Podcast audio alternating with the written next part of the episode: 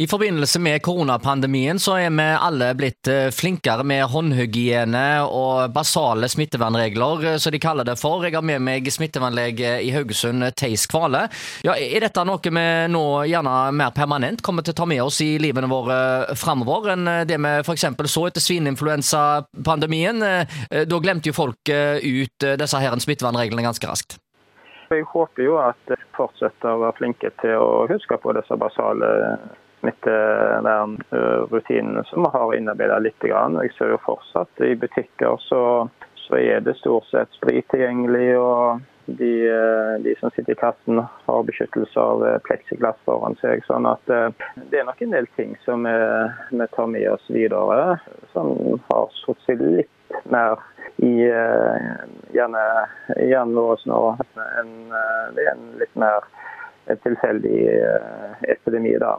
Ja, eh, Nå er det jo snart sommer. Veldig mange skal ut og reise, gjerne for første gang eh, på flere år. Eh, hva er det som er viktig å tenke på når en skal ut og reise nå, hvis en vil beskytte seg? Så for det første så må de sette seg kanskje litt inn i det landet de skal reise til. og Kanskje sjekke med den ambassaden om det står noen regler der, eller på UD sin hjemmeside. For det er jo en del land som fortsatt krever at de må ha testa seg før de reiser, og at det er krav om munnbind og sånne ting så det. Så jeg oppfordrer jo folk flest til, hvis de skal reise i hvert fall litt lenger av, av sted, så at de sjekker med eh, UD sin eh, nettside eller uh, ambassaden til det landet, for å se om det er spesielle ting de må forholde seg til.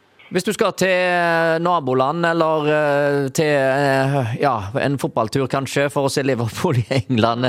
Eh, er det sånn at det er like krevende når du skal der, eller er det sånn at du må være mer oppmerksom når du skal reise lengre? Nei, i Nord-Europa så, så, er alle disse strenge tiltakene nå vekke. Sånn at nå kan du reise f.eks. til England uten at du må har testa deg på forhånd, eller at du må teste deg under oppholdet og sånt. Så, så, så, men Nord-Europa de står i en særstilling. Så du skal ikke så fryktelig lenger sørover eller østover, eller vestover for den saks skyld, hvor det er litt strengere krav for å, for å feriere.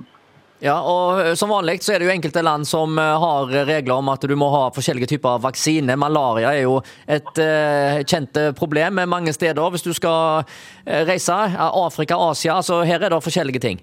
Ja da, og det er mange land som du ikke kommer inn uten å vise til, eller bevise at du har de relevante vaksinene, som gulfeber.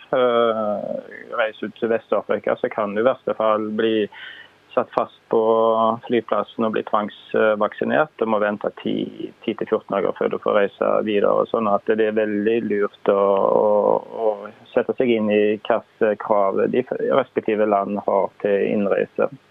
Og denne koronapandemien er vel eh, høyst sannsynlig ikke den siste pandemien vi får eh, oppleve, for eh, nå har det jo vært flere de siste årene?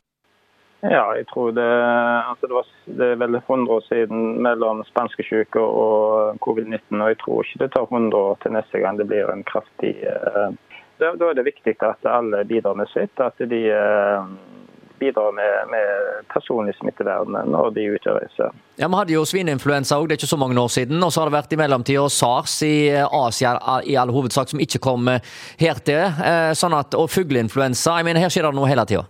Ja da, det er, det er utfordringer, ja. Eh, sånn at, men jeg mener at eh, via denne eh, covid-19-pandemien så er vi bedre rusta til å stå mot en ny pandemi hvis den skulle komme. Og Det sier altså smittevernlege i Haugesund, Theis Kvale.